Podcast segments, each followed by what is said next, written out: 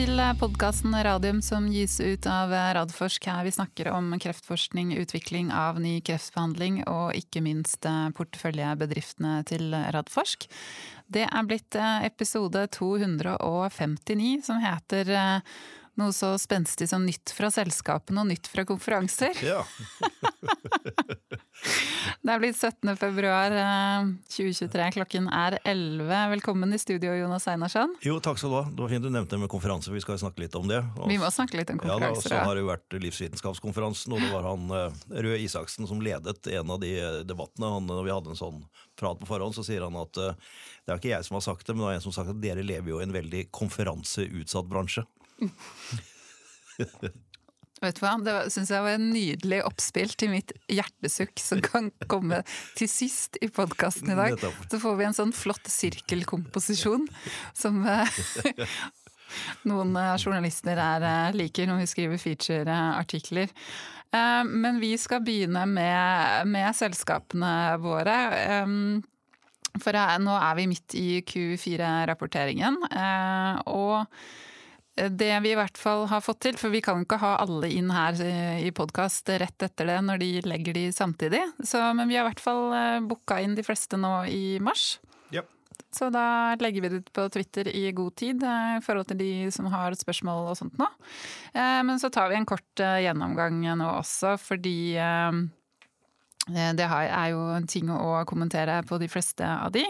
Targovaks Targovax og Ultimax hadde jo sine presentasjoner i går. Eh, I dag morges hadde PCI Biotech sin, og samtidig så hadde Onkoinvent ikke en kvartalsrapport, men en investorpresentasjon. Ja. Men vi kan begynne med Targovax, som da henter opp til 300 millioner eh, norske kroner over tre år fra London-baserte Atlas Capital Markets eh, gjennom en avtale om konvertible obligasjoner. Ja. Eh, og det betyr jo da at de har nå funding, finansiering, til å starte opp Onkos 102-studien i føflekkreft, to fase 2-studier i eh, TG01, og også in vivo-studier for da programmet innenfor sirkulær RNA. Ja. For de har mye planer. De har det som de har på en måte Som vi har sagt at vi er veldig positive til. Ja. ja. Men som de ikke har på en måte De har jo måttet vente på ja. finansiering. Men eh, det første jeg lurer på da Ane meg hva det er. Ja.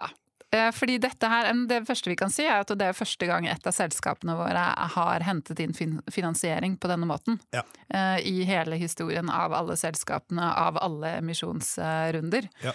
Eh, og, og, det, og, det, er sikkert Altså, jeg har ikke finansbakgrunn. Og et avtale om konvertible obligasjoner, hva innebærer det, Einarsson? Nei, Nå består jo min finansielle bakgrunn av 19 eh, vekttall på BI for 42 år siden. så jeg skal ja, Men det er 19, på... du skal ikke kimse av 19 vekttall. Hvorfor var det ikke 20? nei, nei, jeg gadd aldri gjøre det ferdig. jeg skulle lære meg forskjellen på debit og kreditt og sånn. Hvor jeg skulle være direktør på et privat sykehus og hadde kom rett fra doktorskolen. Einarsen fikk akkurat tommel opp, og vi merker at det er fredag i studio. Men nå må du forklare det. Ja, nå skal jeg skjerpe meg. Skjerpe meg. Ja, nei, altså, vi ønsker jo alltid å gjøre emisjoner på høye høye kurser i disse selskapene. Det er liksom drømmen.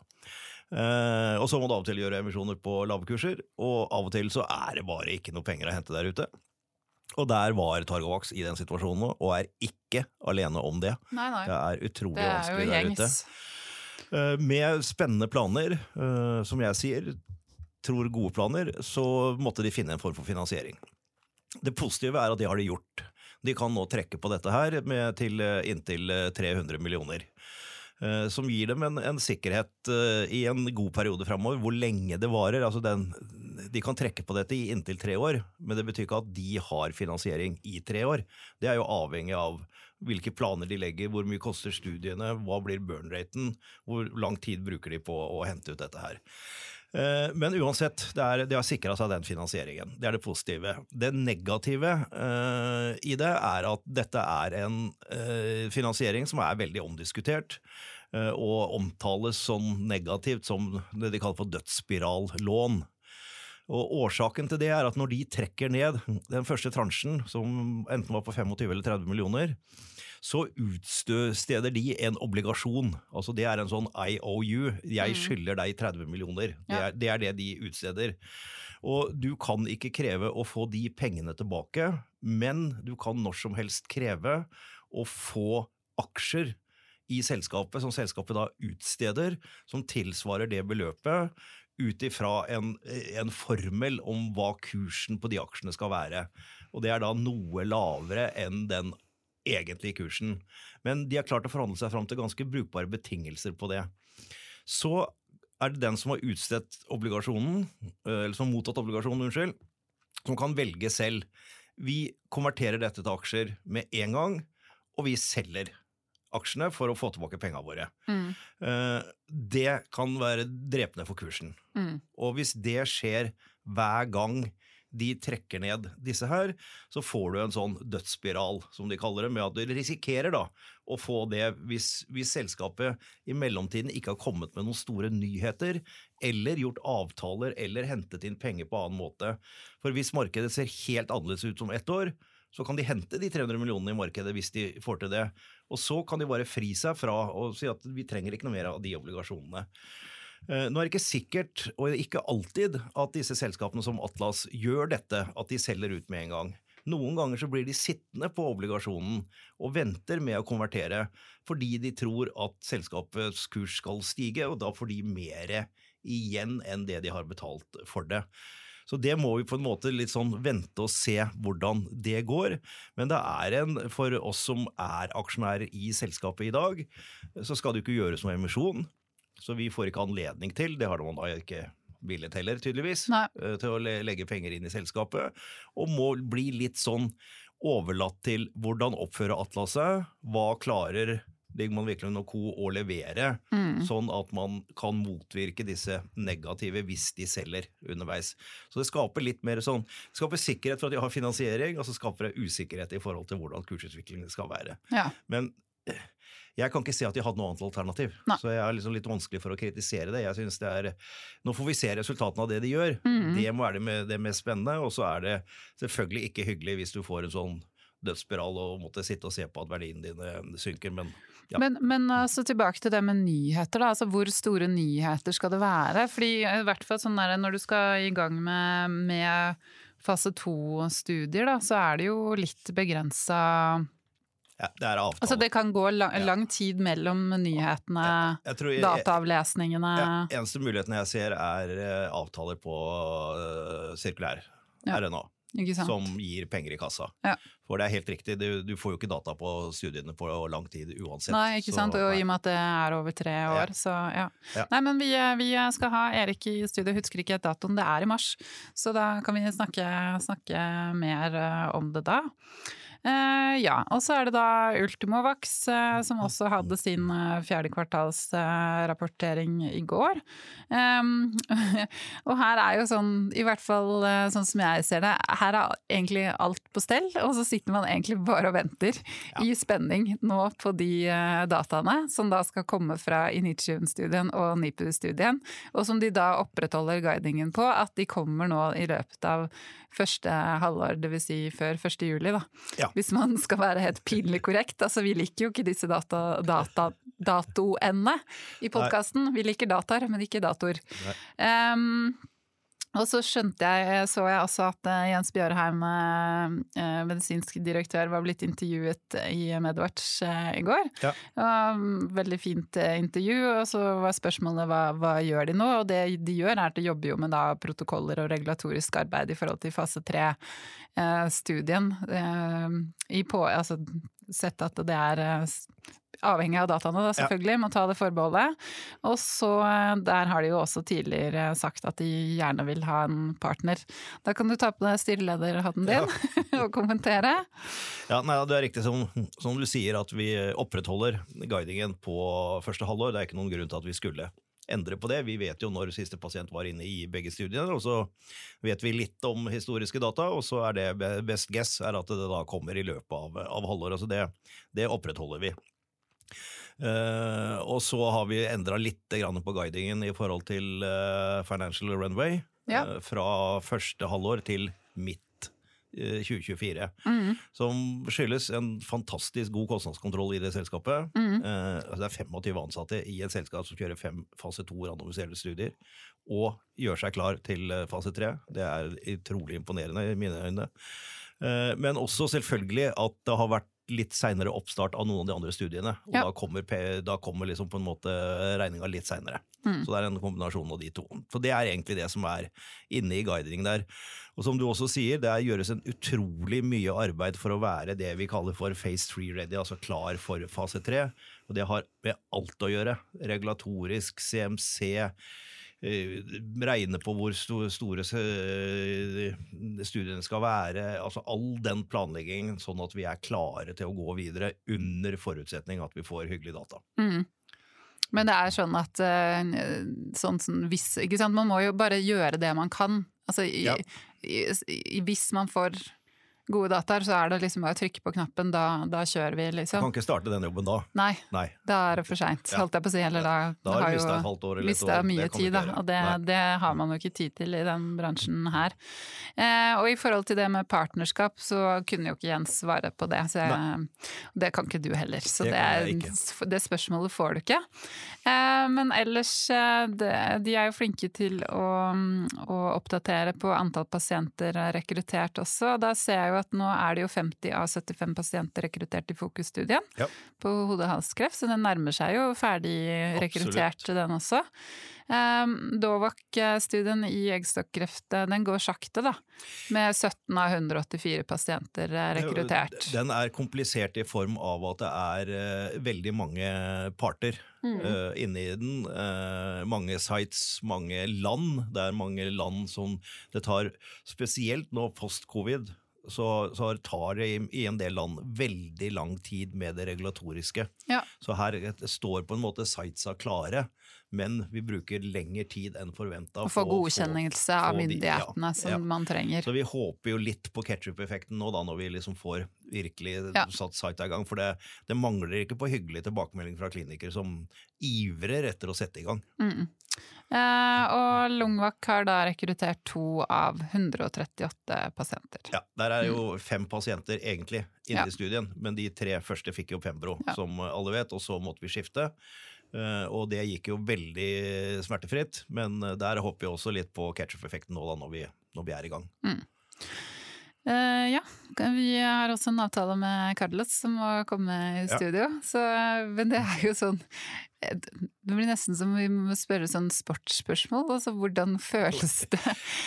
Sånn, for det er jo nå å vente. Altså Man må ja. gjøre all den interne jobbingen, men så er det egentlig bare å ja sitte og vente. Jeg slipper heldigvis da å verken ha pokerfjes eller eh, noe annet, for jeg har ikke peiling på hva sant? som foregår. Det er, men, eh, men, det var én ting du sa var interessant, fordi i forhold til den presentasjonen de hadde i går, for de har jo fått uh, mye spørsmål. Altså Mange lurer på endepunktene ja. og spekulerer jo i altså Eh, når kommer det? Altså er det best om de kommer tidlig, disse mm. dataene, eller er det bedre om de kommer seint, eller uh, Ikke sant? Det er jo alle tusenkronersspørsmålet. Men der sa du at det hadde de på en måte De har hatt litt sånn følere på hva folk lurer på, og så hadde Jens en veldig fin gjennomgang. Ja, altså han kommer jo selvfølgelig ikke det, det, han sier om dette med om det er bedre eller ikke bedre om det tar lengre tid, det er samme forklaringen som uh, selskapet har gitt hele tiden. Det kan vi bare ikke si noe om, Nei. fordi det er delta mellom de to armene som mm. til slutt uh, avgjør.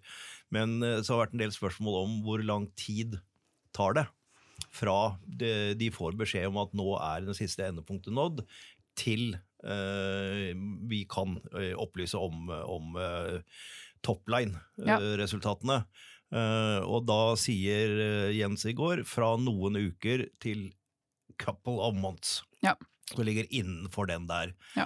Men det er egentlig Sier ikke så mye det heller, når, når, vi da ikke vet når det endepunktet er oppnådd. Så jeg beklager, altså. Det her er bare, bare å smøre seg med tålmodighet og vente ja. på den store dagen. Det blir utrolig spennende, men vi får se. Ja. Det får vi gjøre. Da kan vi gå videre til PCI, som hadde da sin kvartalspresentasjon i dag.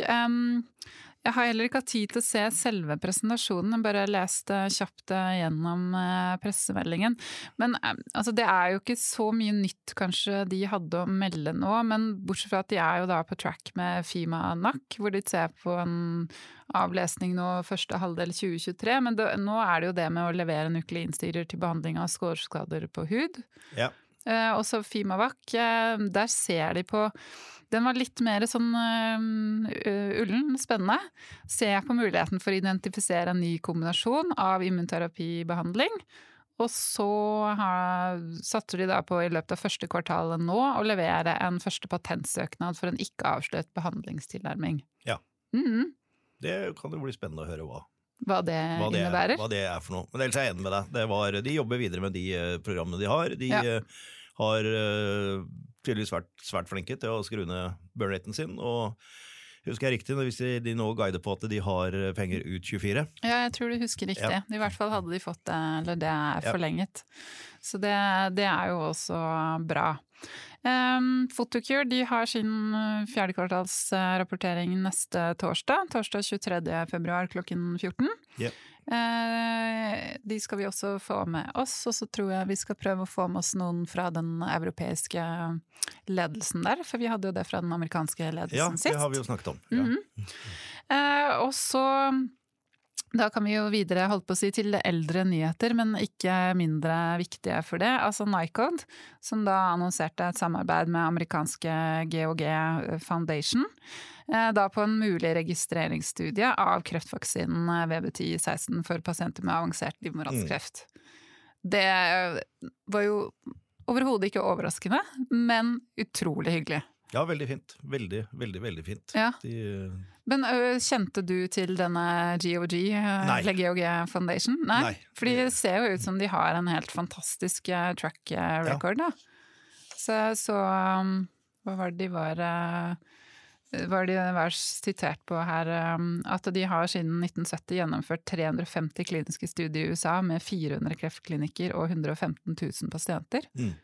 Så det er jo Det høres jo ut som en ganske velsmurt organisasjon. Ja. Og USA er utfordrende nå å kjøre mm. kliniske studier i. Ja. Eh, kommer tilbake til den konferansen jeg var på, men eh, det var liksom sånn Future Clinical Trials. Eh, og spesielt i USA så var de eh, usikre. Altså det, er, det, er, nok av pasienter, men det er altfor mange som faller imellom. At man ikke får tak i de riktige pasientene. Ja, For det er det at de ikke har personvernnummer? Ja. Mm. Sånn at det er hvis Så hvis de riktig, hopper ut av en studie, så er de borte? Da er de borte. Ja. Uh, og så tror jeg og hvis de bytter flytter ja. mellom statene, er det ikke sånn også? Så bare er de også borte? Jo, man, man får for, for mye dropouts. Ja. Og så er det en annen ting som vi ikke tenker på her i Norge, men som de diskuterte veldig mye der.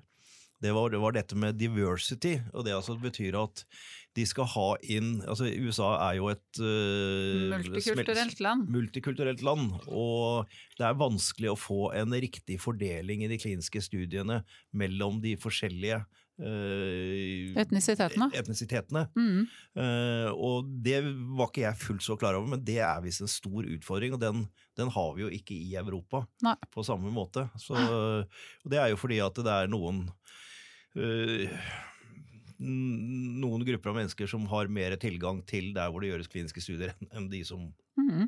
ikke har det. Så Det er også en utfordring der. Så og, da vil jeg, vil jeg tro at sånn sånn organisasjon som GOG kan være veldig, veldig hjelpende på det. da. Mm. Men bare, kan ikke slippe den der helt ennå. For det er, vel, er det ikke litt sånn at du må ha studier i, gående i USA også? Jo, altså du kan gå For en FDA-approval? Abs absolutt. Du, du må, til, må, til, USA. Mm. Men uh, spørsmålet er hvor tidlig skal du gå til USA? Uh, skal du kjøre alle typer studier også i USA? Lungvaktstudien til Ultimavax kjører vi kun i Norge. Ja. Uh, Initium absolutt i både USA og Europa, for den håper vi jo med veldig gode resultater, i hvert fall skal bygge mot en fase tre med accelerated approval eller ikke. Mm. Så du, du, må sånn Det var sånn noe av det første jeg lærte i denne bransjen. sånn Do US or die. Det, altså, du, du, må ha med deg USA. Ja.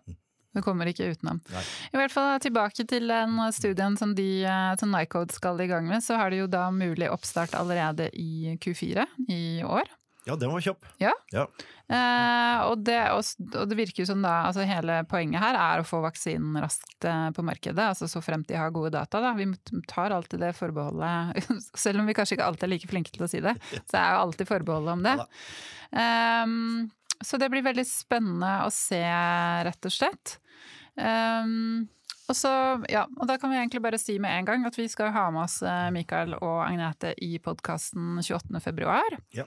Så der er det bare å sende spørsmål. Det eh, blir hyggelig å ha de tilbake her. Og da må vi jo snakke egentlig litt mer sånn rundt eh, alt, egentlig. Men denne studien her må vi definitivt ja. snakke mer om. Og så eh, helt til sist av selskapene våre, så um, Unco Invent sendte ut en del pressemeldinger eh, forrige uke. Og så hadde de en kort sånn mhm. investorpresentasjon i dag. Um, og vi, har, vi fikk ikke vært der og hørt presentasjonene, men vi har snakket vår, med, hver, med, hver vår, med, hver vår, mann i ja. selskapet. Du har snakket med Roald Larsen, og jeg har snakket med Tore Kvam. Så da har vi fått eh, litt eh, oppdateringer eh, via den veien. Men uansett, hvis vi ser på de pressemeldingene som kom, kom for, forrige uke, så er det jo da at de er ferdig med de første studiene, altså fase 1-2A-studiene. Mm i tykktarmskreft og eggstokkreft med spredning til bukhulen. Hvor det er da den spredningen i bukhulen som eh, de eh, undersøker om de får eh, gjort det med ved hjelp av radsferin. Det har vært en doseeskaleringsstudie, og så har de da funnet rett dose. Og så ser de da at radsferin viser en attraktiv biodistribusjon, og at den blir godt tolerert. Og så ser de da potensielle signaler ja. på effekt. Eh, og så ser de også at de, i, særlig i Spania, rekrutterer stadig nye sentre. Eh, og begynte å behandle pasienter. Og så melder de også da, kanskje det mest spennende her, er at eh, de tolv pasientene som fikk den anbefalte kliniske dosen på 7 megabecquerel i eh, kolorektalstudien, eh, de er da uten kreft i bukhulen etter eh, tolv måneders avlesningen. Ja.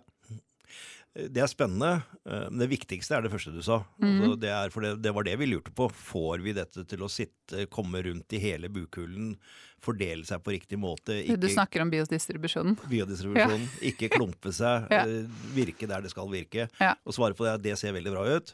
Og så er vi selvfølgelig, når vi begynner å behandle med en helt ny behandling, eh, er det noen bivirkning vi ikke hadde regna med. Tydeligvis ikke.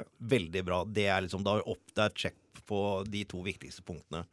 Og så er det selvfølgelig veldig spennende å se at det er ingen av disse pasient, 12 pasientene etter tolv måneder på den dosen vi skal bruke videre, som uh, har fått tilbakefall i bukhulen uh, enda.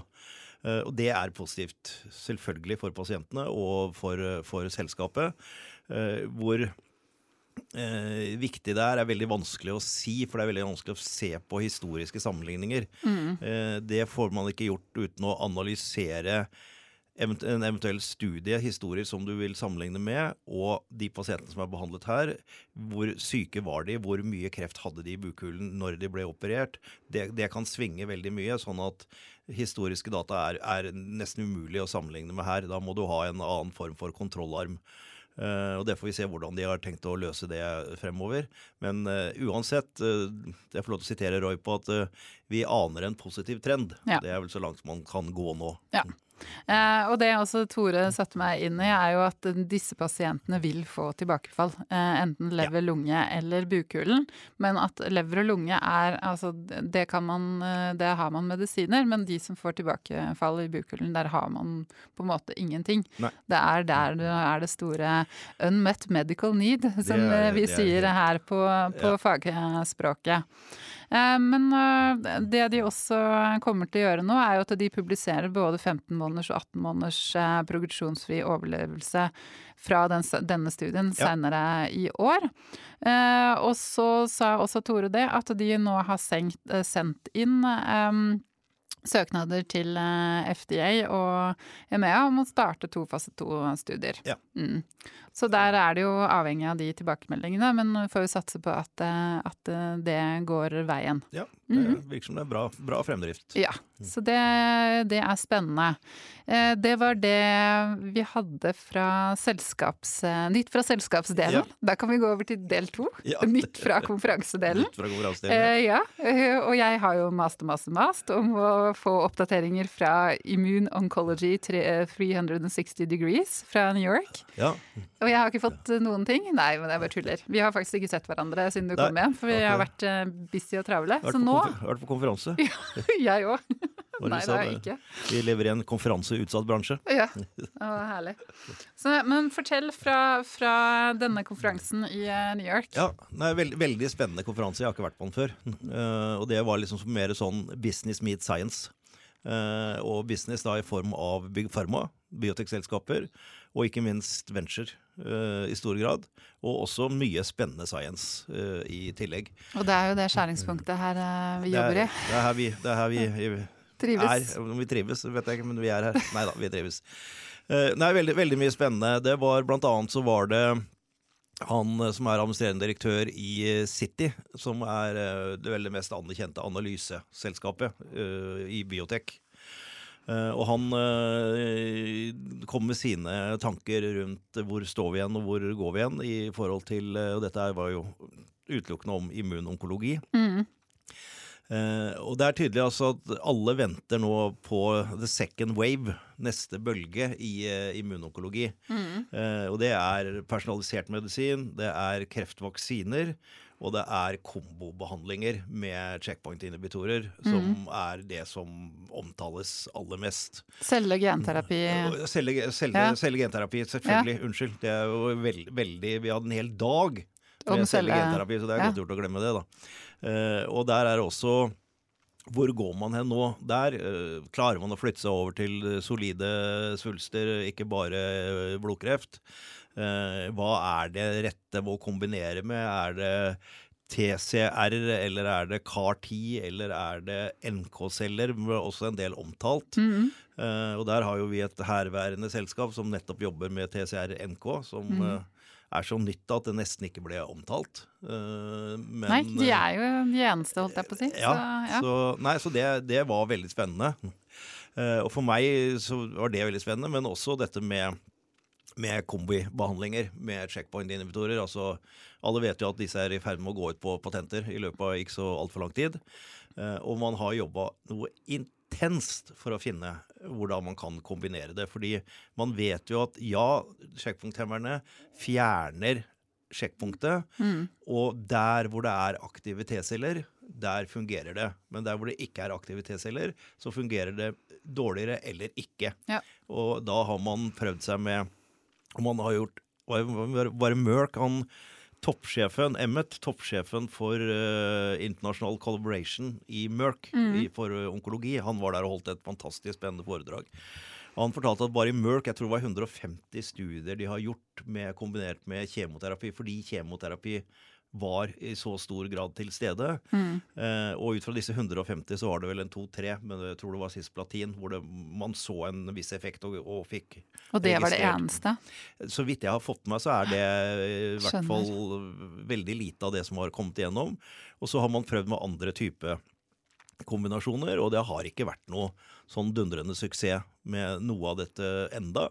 Eh, så han fortalte liksom at eh, Merck fikk jo tusenvis av henvendelser fra små selskaper akademiske som ønsket å gjøre kombinasjonsstudier med checkpoint-inhibitorer. Og de har bredt seg veldig mye, mm. men det er, det er også et veldig trangt nåløye å komme igjennom, hvor Merck går inn og sier ja, vi vil være med, vi vil gi uh, medikamentet, og vi vil være med å gi input til protokoll og design, og altså engasjere oss i dette her. Mm. Og det, det, det, det, var, fortalte han, et veldig veldig trangt nåløye. Ja. Og det var da Jens Bjørheim, CMO i uh, Ultimax, lente seg over bordet, smilte og sa til meg er du fornøyd med meg nå? For han har kommet igjennom nåløyet. Ja. For vi samarbeider med Merck, så det var jo veldig positivt. Mm. Uh, når det gjelder makrotrender sånn ellers, så var det gjentatt det vi har sagt så mange ganger nå, at Big Pharma og Venture sitter med veldig mye penger som de må sette i arbeid. Samtidig som de liksom sånn Er det tidspunktet nå? Ja. Har vi nådd bunnen? Er det billigste å gå i nå? Ja, viste han en kurve som faktisk viste at biotek i USA de siste måneden eller to måneder hadde begynt å krabbe oppover igjen. Mm. Men hvis den trenden fortsetter, så tror jeg at disse selskapene og venture kommer til å kaste seg litt eh, raskere rundt. Men om det skjer nå i løpet av noen måneder eller i løpet av året eller til neste år, det er fortsatt litt usikkert. Men uh, sånn betinget Det må liksom snu, var, var trenden. Men ja. når gjør det det? Ja. Det var det ingen som hadde fasiten på. Nei, nettopp. Ja, for det her var jo samme. Jeg var jo på en investorkonferanse i Lund i slutten av november, og det var egentlig de samme de sa da, for da var det en investor fra, fra Boston. Ja. Uh, venture Capitalist som sa, sa egentlig akkurat det samme. Her er det penger, men alle sitter og venter på det rette tidspunktet. Ja. Men mitt oppfølgingsspørsmål blir jo da, altså, sett i lys av disse, særlig for farmadelen, sett i lys av disse patentene som går ut, altså hvor lenge kan de vente? Nei, de begynner For er det så viktig at man har nådd bunnen? Altså i forhold til da liksom Ikke for Big Pharma. Nei. For Venture så er det mer det. Ja. Men jeg, jeg, tenker liksom at det gjerdet alle sitter på, der må det være ganske trangt om dagen. Fordi, ja, og så tenker jeg det er jo et eller annet med å liksom komme i gang ja. og være den, den, første også i forhold til å finne et selskap og så bare tørre å gå for det, da. Ja da, han eh, analytikeren han uh, sa også det at uh, Nå husker ikke jeg tallene i hodet nå, men altså i løpet av de neste seks til syv årene så var det altså et fall i revenue stream, altså Inntekt. inntektene for Big Pharma, ja. på de store blockbusterne på 60-70 mm. med forbehold at jeg husker tallet riktig, men det var i hvert fall et veldig stort tall. Ja, da er det mye du skal hente inn. Det må de erstatte. Fordi de selskapene blir i stor grad målt på denne parameteren, mm. og ikke på hvor mye penger de har i banken. Nei. Sånn at da vil kursen falle, og da vil aksjonærene bli misfornøyd med det. Så det er et skjæringspunkt som kommer før eller siden. Mm. Ja, og så tenker jeg Hvis det er i løpet av de neste ja, såpass kort tid. Og det tar jo tid, som du og jeg vet, ja. å utvikle legemidler og komme på markedet. Og, og ikke minst eh, bli, altså, at legemidler begynner å, å selge også. For det holder ikke å komme på markedet hvis ingen nei, kjøper det. Altså de, hvis de skal ha ting som er på markedet og gir dem inntektsstrøm om 6-7 år, så må de i hvert fall ut i modne fase 2-data ja. for å komme dit i løpet av den tiden. Men um, du satt jo da i et panel uh, under partner... Apropos en annen konferanse. Ja. Partnership for Life-konferansen ja, som var på tirsdag. Og da satt jo du i et panel sammen med altså internasjonale folk fra legemiddelindustrien som hadde ja. kommet til Norge for å gjøre én-til-én-møter. Og Var det ikke noe av dette dere diskuterte der også, eller var det en litt annen diskusjon? Nei, det var i stor grad Det var mer hva er dere på jakt etter? Ja. For dette var liksom deres internasjonale eh, veldig, veldig hyggelig, da. Så mange. Det var uh, AstraZeneca, det var Bayer, det var BMS, eh, husker Novo Nordisk. Eh, med ganske sånn europeiske toppfolk eh, som kom for å se på miljøet mm. Eh, her i Oslo. Og jeg hadde møte med de alle sammen. Og de ba faktisk om møte fordi de ville høre om økosystemet og om Oslo Cancer og Campus Radiumhospitalet. Mm. Og fikk veldig mye positive tilbakemeldinger på det økosystemet vi har bygget opp her. Mm. Blant annet så hadde jeg en lang prat med han Anders som leder hele AstraZenecas økosystemoppbygging. Mm. Uh, som de gjør, har gjort i Gøteborg. Mm. Uh, og vi ble enige om at vi egentlig ikke hadde noe å diskutere, for vi hadde tenkt helt likt i hvordan du bygger et sånt innovasjonsøkosystem. Altså, er det den som er i Lund? Nei, det er i Gøteborg. Det er Göteborg, det, er det AstraZeneca gjør i, i uh, Gøteborg. Ja. og hun som var leder for, er, er leder, president for AstraZeneca Nordic, mm. Anna-Lena, hun Eh, var veldig tydelig på at dette miljøet i Norge var de veldig interessert i. Eh, og flere av selskapene kom for å høre om Et av de virkelig store ville bare høre om celleterapi, mm. selv om det ikke er det de er mest engasjert i per i dag. Men det var det de ønsket å satse på, og da fikk vi ikke presentert dette ACT-senteret ja. som vi har hatt her i podkasten med Anna Posetto, ja. og hun eh, som også har vært her i podkasten fra Thermo Fisher, ja, Tuva. Tuva. Eh, for dette selskapet, mm. Eh, og hvordan vi tenkte å utvikle celleterapi. Og de visste om Seluna godt fra før. Eh, så det er en veldig stor interesse, og det er ingen tvil om at det de ser etter, er de feltene vi her i Oslo Cancer Cluster er gode på. Altså mm. våre spydspisser, som vi har nevnt mange ganger. Vi har vært innom noen av de nå. Radiofarmasi, celleterapi, uh, immunterapi. Ja. Uh, personalisert medisin. Uh, er det de er på jakt etter. Så vi er veldig godt posisjonert. Posisjonert, ja. ja. det er bra. Mm. Ja, men det er Fin bro videre til da lanseringen av Dynaselect fra Thermo Fisher som jeg ledet ja. forrige uke. Som var et fantastisk eh, hyggelig møte. Og hvor hele poenget på en måte var jo én ting var å vise fram dette eh, instrumentet som er utviklet fra Norge via den internasjonale delen av Thermo Fisher. Men like viktig var det å vise fram styrken i celleterapimiljøet. Hvor du har hele dette økosystemet fra, fra forskning. Eh, vi hadde med oss Kalle Malmberg som ja. da er vitenskapelig leder for ACT-senteret, og så leder da nye SFF-en for, um, for immunterapi. Ja. Uh, og hadde med oss eh, Anders Holm fra Seluna, Tuva selvfølgelig fra, fra Thermo Fischer, og også Tarjei Bergdal fra Novartis. Ja. Å vise på en måte hvordan når man har dette økosystemet med dette, alle disse menneskene, så får man på en måte eh, til ting. Ja. Eh, og hadde med oss politikere fra Høyre og, og Arbeiderpartiet Arbeiderpartiet, som var egentlig veldig rørende enige om at helsenæring var kjempeviktig. Ja, de sier så. Ja. og det, det syns jeg alltid er så skummelt når politikere er så enige. For det, hvis du ser litt sånn reft i forskningspolitikk opp gjennom tiden, da, så er alle enige om at i Norge må satse på forskning. Ja. Men det gjør, at du jo, har jo aldri kommet over 3% bruttonasjonalprodukt til investeringer i forskning. Og jeg blir litt sånn noen ganger at sånn der, innenfor helsenæring eh, Alle syns det er så flott. Alle skjønner oppsidene med verdiskapning, med med produkter eh, vi trenger, med eksport. Alt, liksom. Men så blir det sånn Ja, det er så fint. Og så kommer vi ikke noe videre. Men jeg merker da er vi nesten videre på den sånn hjertesukk jeg skal ha, så jeg skal ikke helt der ellers. Men um, før du var på Norway, eh, eller på Partnership for Life, så var du også på da Norway Life Science-konferansen, som ja. på en måte er en Eh, skal vi kalle det en 2.0-versjon eh, av eh, livsvitenskapskonferansen. Masse flotte navn. Helge Lund, som er styreleder i Novo Nordisk, kjent for de fleste nordmenn som tidligere toppsjef i, i Statoil. Mm. Um, Torbjørn Røe Isaksen, som du sa fra E24, tidligere Høyre-toppolitiker, som ledet mange av debattene, og masse andre folk. Vestre, næringsministeren, var også der. Um, fortell. Nei, altså det starter jo med Vestre, da, som er jo også, som du sier, rørende enig i at helsenæringen er eh, viktig, og vel nærmest signaliserte at helsenæringen skulle være, komme inn blant disse fem som skal områdene som kan prioriteres nå eh, i eh, eksportnæringen. Uh, ja, det, ikke, det, blir ikke klart før i juni, da, men, Nei, uh, jeg trodde det var Eksportrådet som bestemte det, kanskje? Jeg skjønte, jeg skjønte sånn at vi lå godt an, da. Ja. Men, uh, også, det er hyggelig. Og så da sier han før han løper at uh, nå kommer det en roadmap, en veikart for utviklende av helsenæringen i Norge. Så tenkte jeg, Så fint. Da får vi, Nå har vi hatt helsenæringsmeldingen, og vi har hatt den ene meldingen etter den andre, og nå får vi et veikart.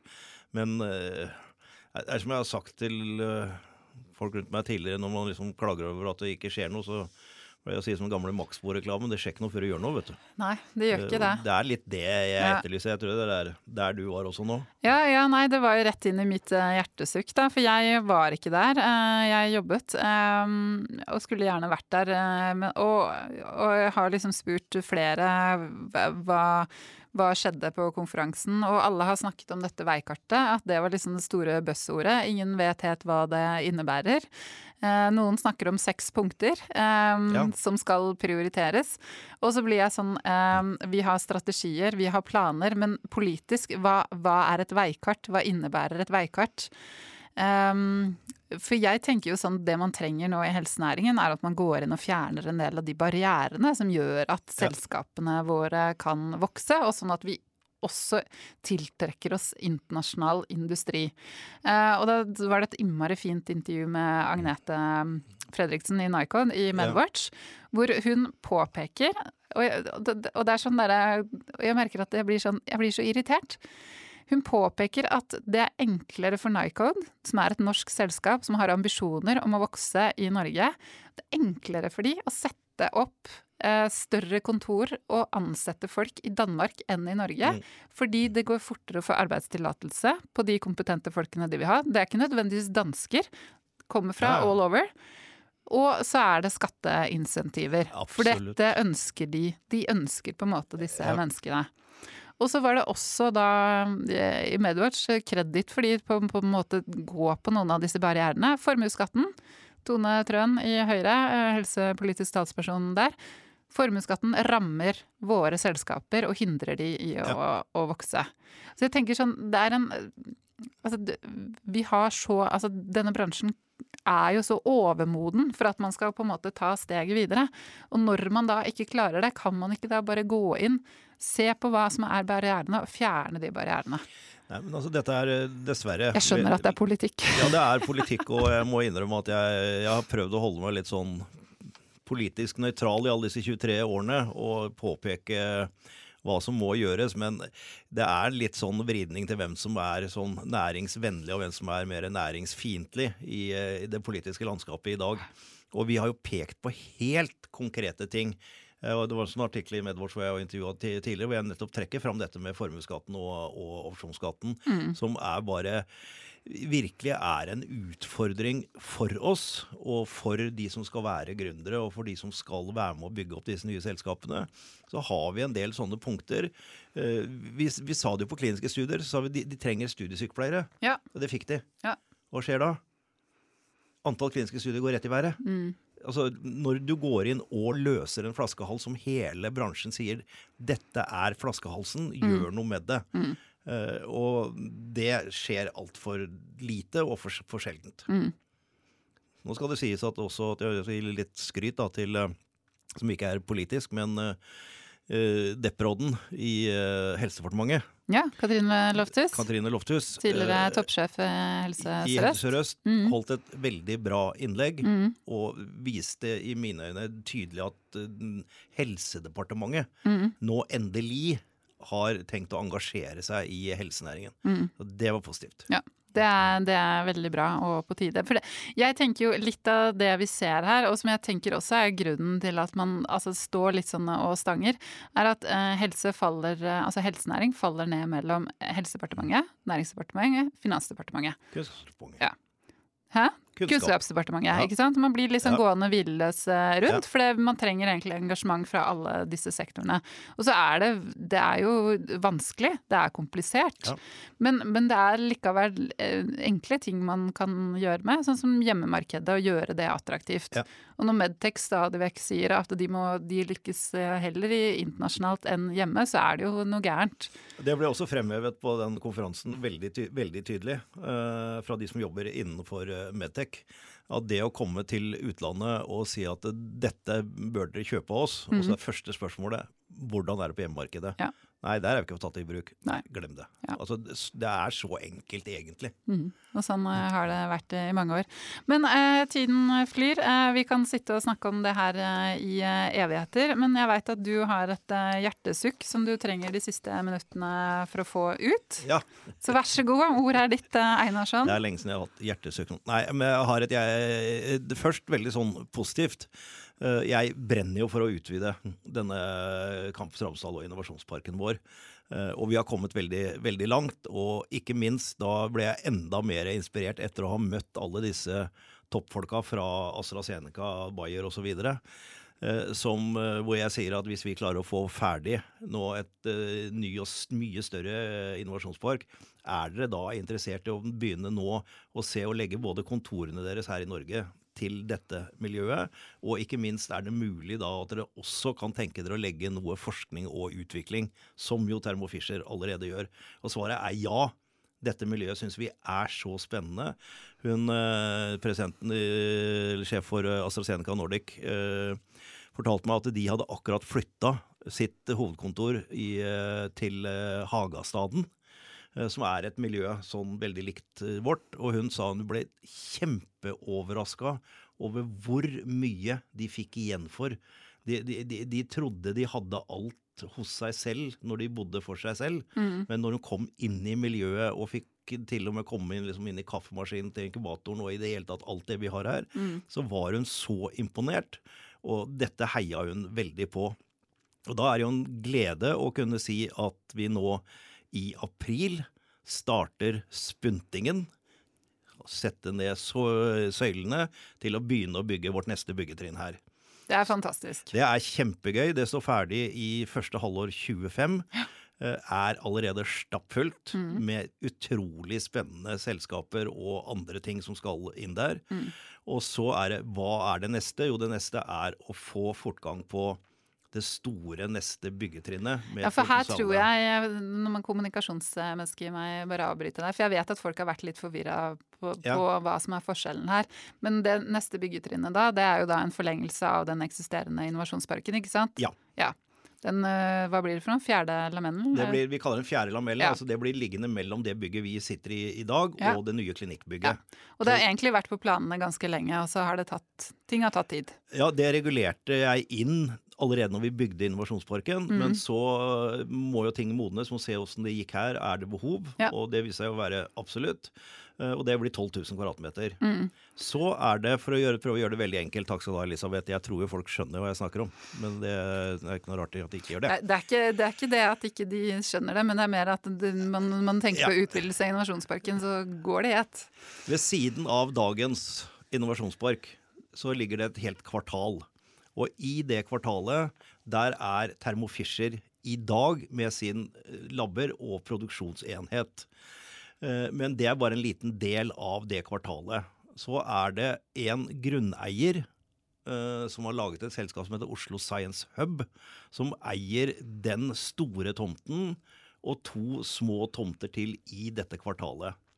Så finnes det én grunneier til i det kvartalet, og det er Oslo kommune. Og det er to kondemnerte eh, boliger som har vært sosialboliger tidligere, som aldri skal brukes til det mer. Og så er det et lite grøntområde som ikke er noen ting. Det deler og ødelegger hele kvartalet for en eh, regulering av hele kvartalet. Vi ønsker å utvikle hele det kvartalet til den neste store utvidelse av innovasjonsparken, som da har et potensial ikke at vi får det til, men et potensial på 40 000-50 000 kvadratmeter. Mm, du sier en dobling da, av eksisterende ja. bygningsmasse. Ja. Uh, for å få til det, så må en utvikler av det ha kontroll på det kvartalet. Derfor har vi for fire år siden henvendt oss til Oslo kommune og spurt om vi kan få kjøpe de tre tomtene. De, Oslo kommune brukte da tre år på å finne ut at ikke de har bruk for de tomtene. For så vidt positivt at de endte der. Eh, så sa vi fint, da kan vi kjøpe de. Nei, det får dere ikke. Dere må regulere det området sammen med oss i Oslo kommune, og dere kan få en eller annen form for avtale ellers. Så har de da øh, og, og, og ta på meg den hatten også. Jeg sitter også som styremedlem i Oslo Science Hub, som jeg også gjør i Innovasjonsparken. Ja. Men da bare som på en måte konsulent og, og, pådriver for å få dette til. Og verken jeg eller Radforsk har noen eierinteresser i dette overhodet. Nei, Det er ikke noe økonomisk vinning eh, per se? Nei. Nei. Det, er, her det også det, tenker jeg er viktig å få fram. Ja. Mm. Uh, og så har vi nå holdt på, etter at vi hadde møte med Raymond Johansen, eh, hvor han sa at han ønsket veldig sterkt å få dette til, mm. forsøkt nå i enda nye fire måneder å komme fram til en avtale for å få kjøpt disse tomtene. Det får vi ikke til. Og Det er liksom det, det er hjertesukket mitt. Altså Det har skjært seg. Og så kan man gå inn og se på alle detaljer. Hvorfor ikke? Jeg er selvfølgelig biased, men mener at disse grunneierne som ønsker å kjøpe, har virkelig lagt på bordet at det, dette skal, alt skal gjøres på markedsmessige vilkår. Mm. Men vi må vite at vi har kontroll på området før vi kan sette inn titalls millioner i reguleringen. Nå har dette skjært seg fullstendig. Eh, så det som skjer nå, er at uh, Høyres bystyregruppe kommer til å legge fram et privat forslag til bystyret om at vi får kjøpt de tomtene til markedspris. Veldig enkelt forklart. Vi får en takst på tomtene nå, en uhildet takst. Vi betaler den prisen nå. Så gjøres reguleringen. Så gjøres en ny takst, for da kommer forhåpentligvis verdien til å stige ganske kraftig, fordi ja. vi får en høyere regulering. Absolutt. Lages det en ny takst, uhildet takst, og man betaler mellomlegget. Mm. Ferdig. Og vi forplikter oss til å utvikle området i samråd med campusstrategien. Og det selvfølgelig gjør vi det. Det er ja. det vi har gjort her. Ja. Campusstrategien hviler jo i stor grad på det vi allerede har fått til. Det får vi nei til, og da må vi se om det er mulig å få til et flertall i bystyret for dette. Uh, og Arbeiderpartiet og da byrådet, med MDG også, sier da inntil videre nei til det. Uh, og det er skuffende, og, uh, men kanskje ikke så overraskende. Og jeg må si at jeg dette er ikke første gang dette skjer. Når jeg skulle bygge denne innovasjonsparken, så måtte vi også finne litt sånn finurlige og gode løsninger. Bl.a. med en finansiell avtale om å bygge denne skolen mm. og leie den ut til Oslo kommune. Mm. Og vel å merke det er den billigste og beste videregående skole Oslo kommune noensinne har fått. og så får de jo tilgang til et unikt samarbeid. Ja. Men også finansielt, fordi ja. de betaler egentlig bare kostpris. Mm. Og det var en del av avtalen fordi vi fikk lov til å buksle dette området, og det var mm. kjempefint. Den gangen så var det så vidt de fikk det gjennom med én eller to stemmers overvekt å mm. gjøre denne avtalen om skolen med uh, Oslo kommune. Og også den gangen var det Arbeiderpartiet som var prinsipielle grunner. For da var det et privat-offentlig samarbeid, og den gangen var ikke det prinsipielt positivt for Arbeiderpartiet. Nå sier Arbeiderpartiet at de har et prinsipp at de skal være med å regulere området før de selger tomtene, hvilket ikke er gjennomførbart. Så litt frustrert er jeg nå. Det skjønner jeg. Dette her har vi jo hatt eh, oppe Ja, vi har jo egentlig tatt det ut i Arendalsuka nå to eh, år på rad, så det er jo veldig dumt å høre ja. at eh, ja, det fremdeles ikke skal være mulig. Men vi får jo da eh, krysse fingrene for eh, at Høyre får gjennomslag. Ja. Mm. Eh, ja, det, det, ble en sånn derre Hva skal man kalle det for noe? Berg-og-dal-bane av eh, positivt, og så endte vi litt eh, negativt. Men eh, det Ja. Nei, men vi, eh, vi, tar uansett eh, vinterferie neste uke, og så er vi da tilbake uken etter med Nycod og Mikael Lagnete. Takk for i dag.